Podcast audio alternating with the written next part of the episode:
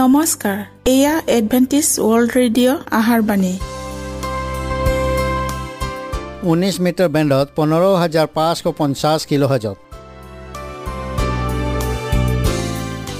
Adventist world radio যোগে অসমীয়া ভাষাত প্ৰচাৰিত আহাৰবাণী প্ৰত্যেক বুধবাৰ আৰু দেওবাৰ সন্ধিয়া সাত বজাত আহাৰবাণী শুনাৰ পিছত আপোনালোকৰ কিবা মন্তব্য আৰু প্ৰশ্ন থাকিলে আমালৈ এই ঠিকনাত লিখক। আমাৰ ঠিকনাটি হৈছে Adventist world radio' seven day Adventist মণ্ডলী অসম শাখা লতাকাটা বশিষ্ট গুৱাহাটী সাত আঠ এক শূন্য দুই ন।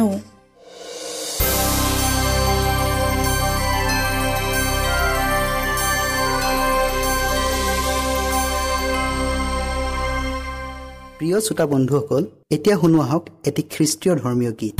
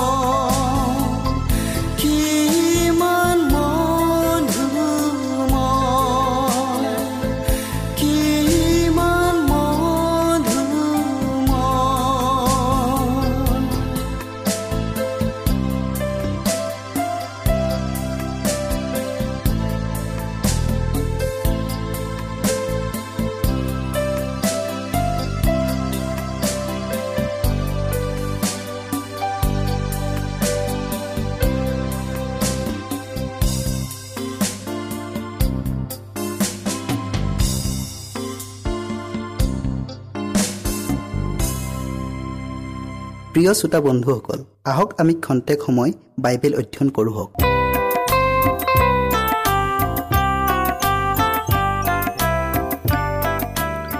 প্ৰিয় শ্ৰোতাসকল আজি আমি অনুগ্ৰহৰ পুৰস্কাৰৰ বিষয়ে অধ্যয়ন কৰোঁ হওক। আমাৰ আজিৰ শাস্ত্ৰপদ হৈছে মঠি ঊনৈছ অধ্যায়ৰ ষোল্লৰ পৰা ত্ৰিছ পদলৈকে মঠি বিছ অধ্যায়ৰ একৰ পৰা ষোল্ল পদলৈকে মাৰ্ক দহ অধ্যায়ৰ সোতৰৰ পৰা একত্ৰিছ পদলৈকে আৰু লোক ওঠৰ অধ্যায়ৰ ওঠৰৰ পৰা ত্ৰিছ পদলৈকে। আমি অধ্যয়ন কৰাৰ আগতে ঈশ্বৰৰ পৰা আশীৰ্বাদ খোজো হওক। সেই জীৱনময় গৰাকী কৰোণাময় ঈশ্বৰ যে হোৱা তোমাৰ নাম ধন্যবাদ হওক। প্ৰভু এতিয়া আমি বিশেষ বিষয় অনুগ্ৰহৰ পুৰস্কাৰৰ বিষয়ে অধ্যয়ন কৰিবলৈ আগবঢ়াইছোঁ। সেই নিমিত্তে প্ৰভু তুমি আমাৰ লগত থাকা আৰু শেষলৈকে চলাই নিয়া। যীশুৰ নামত খুজিলোঁ। আমেন। ঈশ্বৰৰ বিনামূলীয়া অনুগ্ৰহ এই সৰল সত্য কথাটো যিহুদীবিলাকৰ শিক্ষাত প্ৰায়েই নোহোৱা হ'ল। ধৰ্মগুৰুসকলে শিকাইছিল আমি ঈশ্বৰৰ অনুগ্ৰহ আৰ্জন কৰিব লাগে। ধাৰ্মিকজনে সৎ কৰ্ম কৰি পুৰস্কাৰ পোৱাৰ আশা কৰিছিল। এইদৰে তেওঁলোকে নিজকে লোভীয়া মনোভাৱেৰে সেৱা উপাসনা কৰিবলৈ উদগাইছিল। কৃষ্টৰ শিষ্যবিলাকেও এনে মনোভাৱৰ পৰা সম্পূৰ্ণৰূপে মুক্ত নাছিল।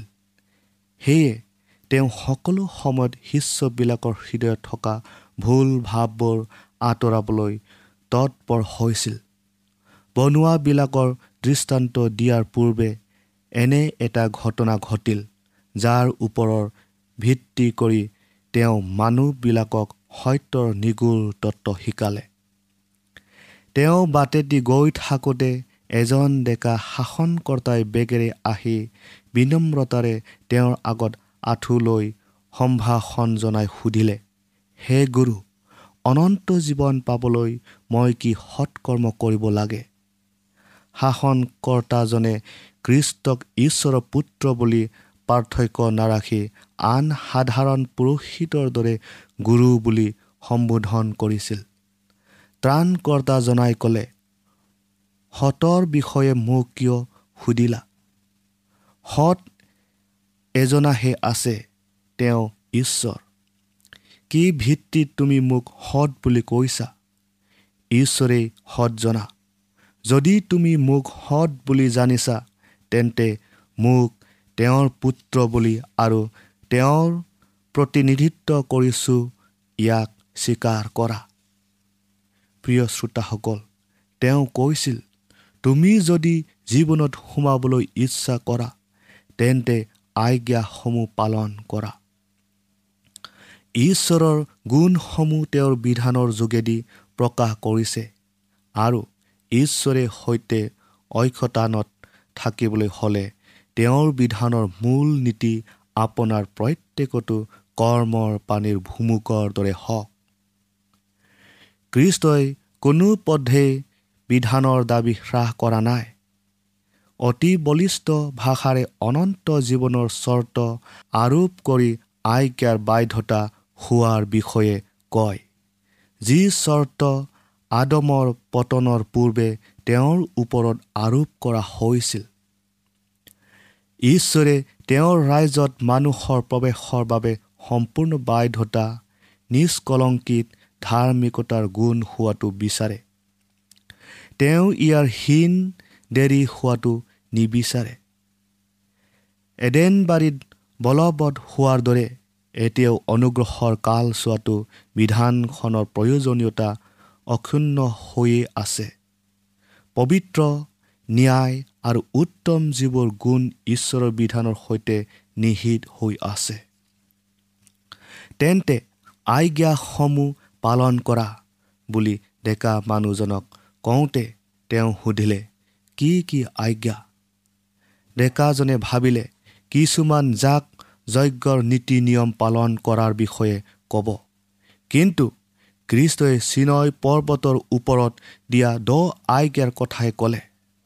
তেওঁ দ আজ্ঞাৰ দ্বিতীয় ভাগৰ পৰা কেইবাটাও আজ্ঞা উল্লেখ কৰি এটা বিধিত এক গোট কৰিলে তোমাৰ চুবুৰীয়াক নিজৰ নিচিনাকৈ প্ৰেম কৰা। ডেকা মানুহজনে অকণো ইতস্তত নকৰাকৈ ক'লে মই এই সকলোকে ডেকা কালৰে পৰাই পালন কৰি আহিছোঁ। মোৰ আৰু কি কৰিব বাকী আছে? বিধানৰ সম্বন্ধে তেওঁ মনৰ ধাৰণা বাহিক আৰু তৰাং আছিল। মানুহৰ বিশ্বাস বুদ্ধিৰে দৃষ্টি কৰিলে তেওঁ এজন সৎ আৰু নিষ্কলংকিত চৰিত্ৰ গুণৰ সমষ্টি বুলি গণ্য হ'লহেঁতেন। অতিশয় মাত্ৰাত তেওঁৰ বাহিক জীৱন দুখমুক্ত আছিল আৰু সকলো কৰ্মৰ নিকুট আছিল।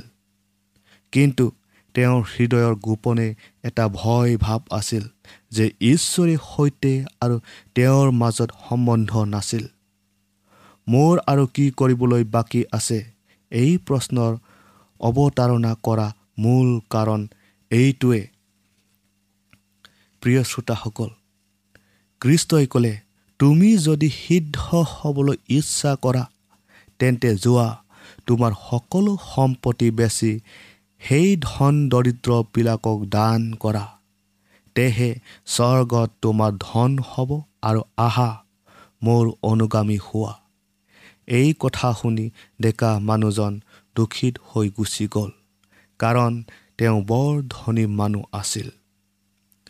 আত্মসন্তুষ্টিৰে বিধান উলংঘন যীশুৱে ডেকা মানুহজনৰ আচল ৰূপ প্ৰকাশ কৰিবলৈ ইচ্ছা কৰি তেওঁক পৰীক্ষা কৰিলে।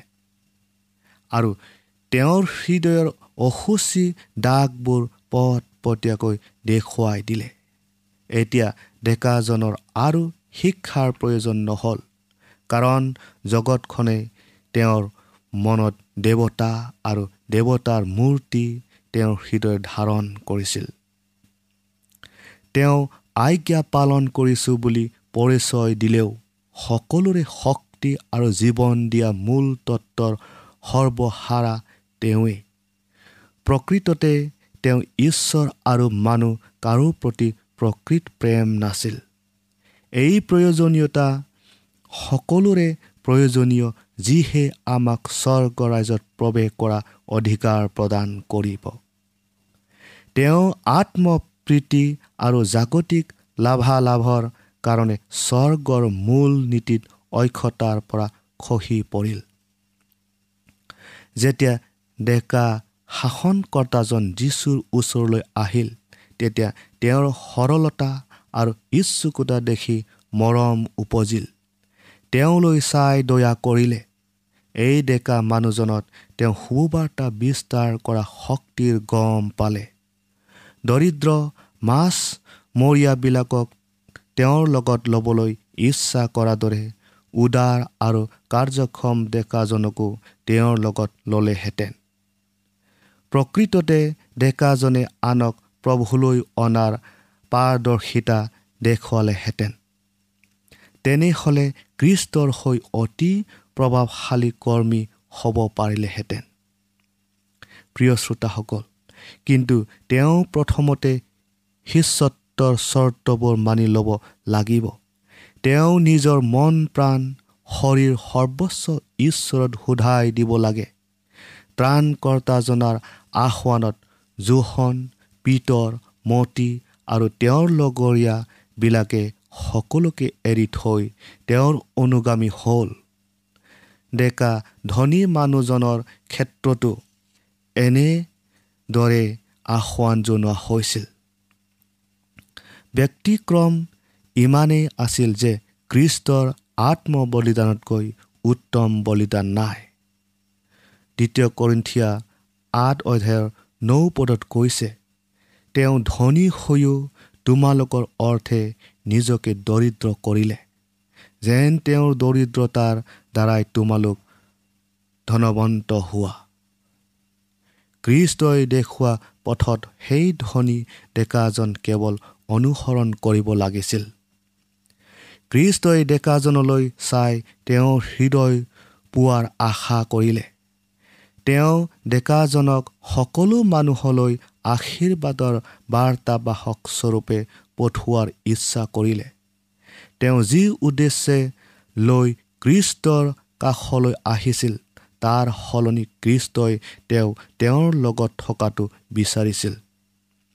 মোৰ অনুগামী হোৱা কৃষ্টই কৈছিল পিতৰ জাকুব আৰু জোহন এওঁলোকে এনে আসোৱানত আনন্দ পাইছিল। ডেকাজনেও কৃষ্টক শুশ্ৰূষাৰে চাইছিল। উদ্ধাৰকৰ্তাজনালৈ নিশ্চয় তেওঁৰ মন আকৰ্ষিত হৈছিল। ত্ৰাণকৰ্তাজনৰ আত্মত্যাগী নীতি তেওঁ গ্ৰহণ নকৰিলে। কৃষ্টতকৈ পাৰ্থিৱ ধন সম্পত্তি তেওঁ বাছি ল'লে। তেওঁক অনন্ত জীৱন লাগে কিন্তু হৃদয়েৰে গ্ৰহণ কৰি নহয়। নিস্বাৰ্থ প্ৰেম যি কেৱল মাত্ৰ জীৱন তেওঁ তাকে অতি দূষিত মনেৰে প্ৰত্যাখ্যান কৰি কৃষ্টৰ পৰা আঁতৰি গ'ল। শ্ৰোতাসকল ডেকাজনে যীশুৰ ওচৰৰ পৰা আঁতৰি যোৱাৰ পাছত তেওঁ শিষ্যবিলাকক কৈছিল ধনী মানুহে স্বৰ্গৰ ৰাইজত প্ৰৱেশ কৰা দুসাধ্য। এই কথাই শিষ্যবিলাকক আচৰিত কৰিলে। কাৰণ ধনী মানুহবিলাক স্বৰ্গৰ আশীৰ্বাদ পোৱা লোক বুলি তেওঁলোকে বিশ্বাস কৰিছিল। পাৰ্থিৱ ক্ষমতা ধন সম্পত্তি লাভ কৰিয়েই মচিহজনাৰ ৰাইজত প্ৰৱেশৰ আশা কৰিছিল। তেওঁলোকে ইয়াকো বিশ্বাস কৰিছিল যে যদি ধনী মানুহ স্বৰ্গৰ ৰাইজৰ সোমোৱাত অসফল হয় তেনে সাধাৰণ মানুহে কি আশা কৰিব পাৰে? পুনৰাই যীশুৱে তেওঁলোকক ক'লে ধনী মানুহ ঈশ্বৰৰ ৰাইজত সোমোৱাতকৈ বেজীৰ বিন্দাই দি উদ সৰকি যোৱাটো সহজ। এই কথা শুনি শিষ্যবিলাকে অতিশয় বিস্ময় মানি সুধিলে তেন্তে কোনে পৰিত্ৰাণ পাব পাৰে? এতিয়া এই ধৰ্মভাৱ পূৰ্ণ সতৰ্কবাণীত তেওঁলোককো যে সাঙুৰি লৈছে ইয়াক বুজি পালে। ত্ৰাণকৰ্তাজনাৰ বাক্যৰ আধাৰত তেওঁলোকেও যে জগতৰ ক্ষমতা আৰু ধন সম্পত্তি লাভৰ গোপন লোভ কৰিছিল সেই কথাও প্ৰকাশ পালে। এই কথাৰ আশংকা কৰিয়েই আশ্চৰ্য প্ৰকাশ কৰি সুধিলে তেন্তে কোনে পৰিত্ৰাণ পাব পাৰে? যীশুৱে তেওঁলোকলৈ চাই উত্তৰ দি ক'লে মানুহৰ অসাধ্য হ'লেও ঈশ্বৰৰ সকলো সাধ্য। জাগতিক মনৰ ধনী মানুহ ঈশ্বৰৰ ৰাইজত সোমোৱা সুসাধ্য। তেওঁৰ ধন সম্পত্তিয়ে পবিত্ৰ বা ধাৰ্মিক লোকৰ জ্যোতিৰ অংশীদাৰ হোৱাৰ স্বীকৃতি নিদিয়ে। ই কেৱল কৃষ্টৰ বিনামূলীয়া অনুগ্ৰহৰ যোগেদি ঈশ্বৰৰ ৰাইজত প্ৰৱেশ কৰিব পাৰে। শ্ৰোতাসকল ধনী হওক বা দুখীয়াই হওক উভয় পক্ষে পবিত্ৰ আত্মাই কৈছে তোমালোক নিজৰ নোহোৱা কিয়নো ঈশ্বৰে তোমালোকক মূল্যৰে কিনিলে। প্ৰথম কৰিন্তীয়া ছয় হাজাৰ ঊনৈছ আৰু বিছ পদত।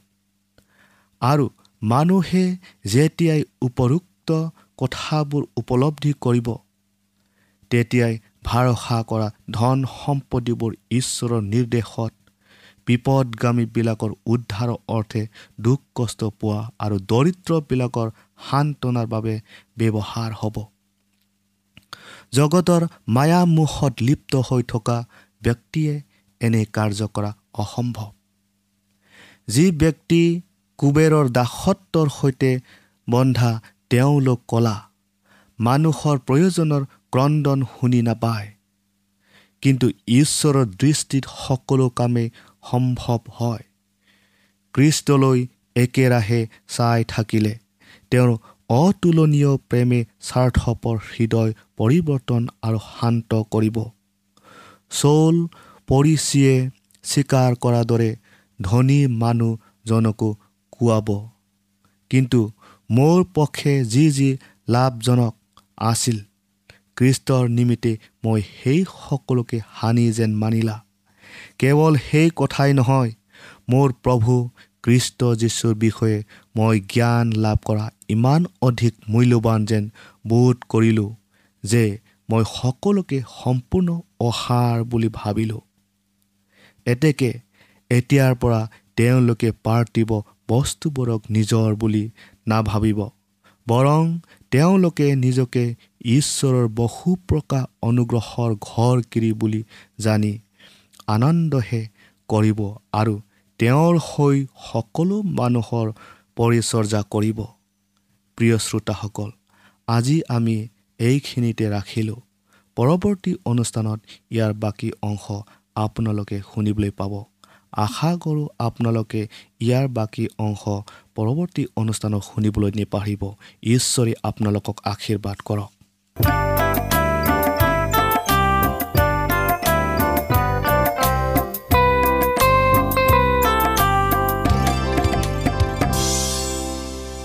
ইমানপুৰে আমি বাইবেল অধ্যয়ন কৰিলোঁ এতিয়া আকৌ শুনো আহক এটি খ্ৰীষ্টীয় ধৰ্মীয় গীত।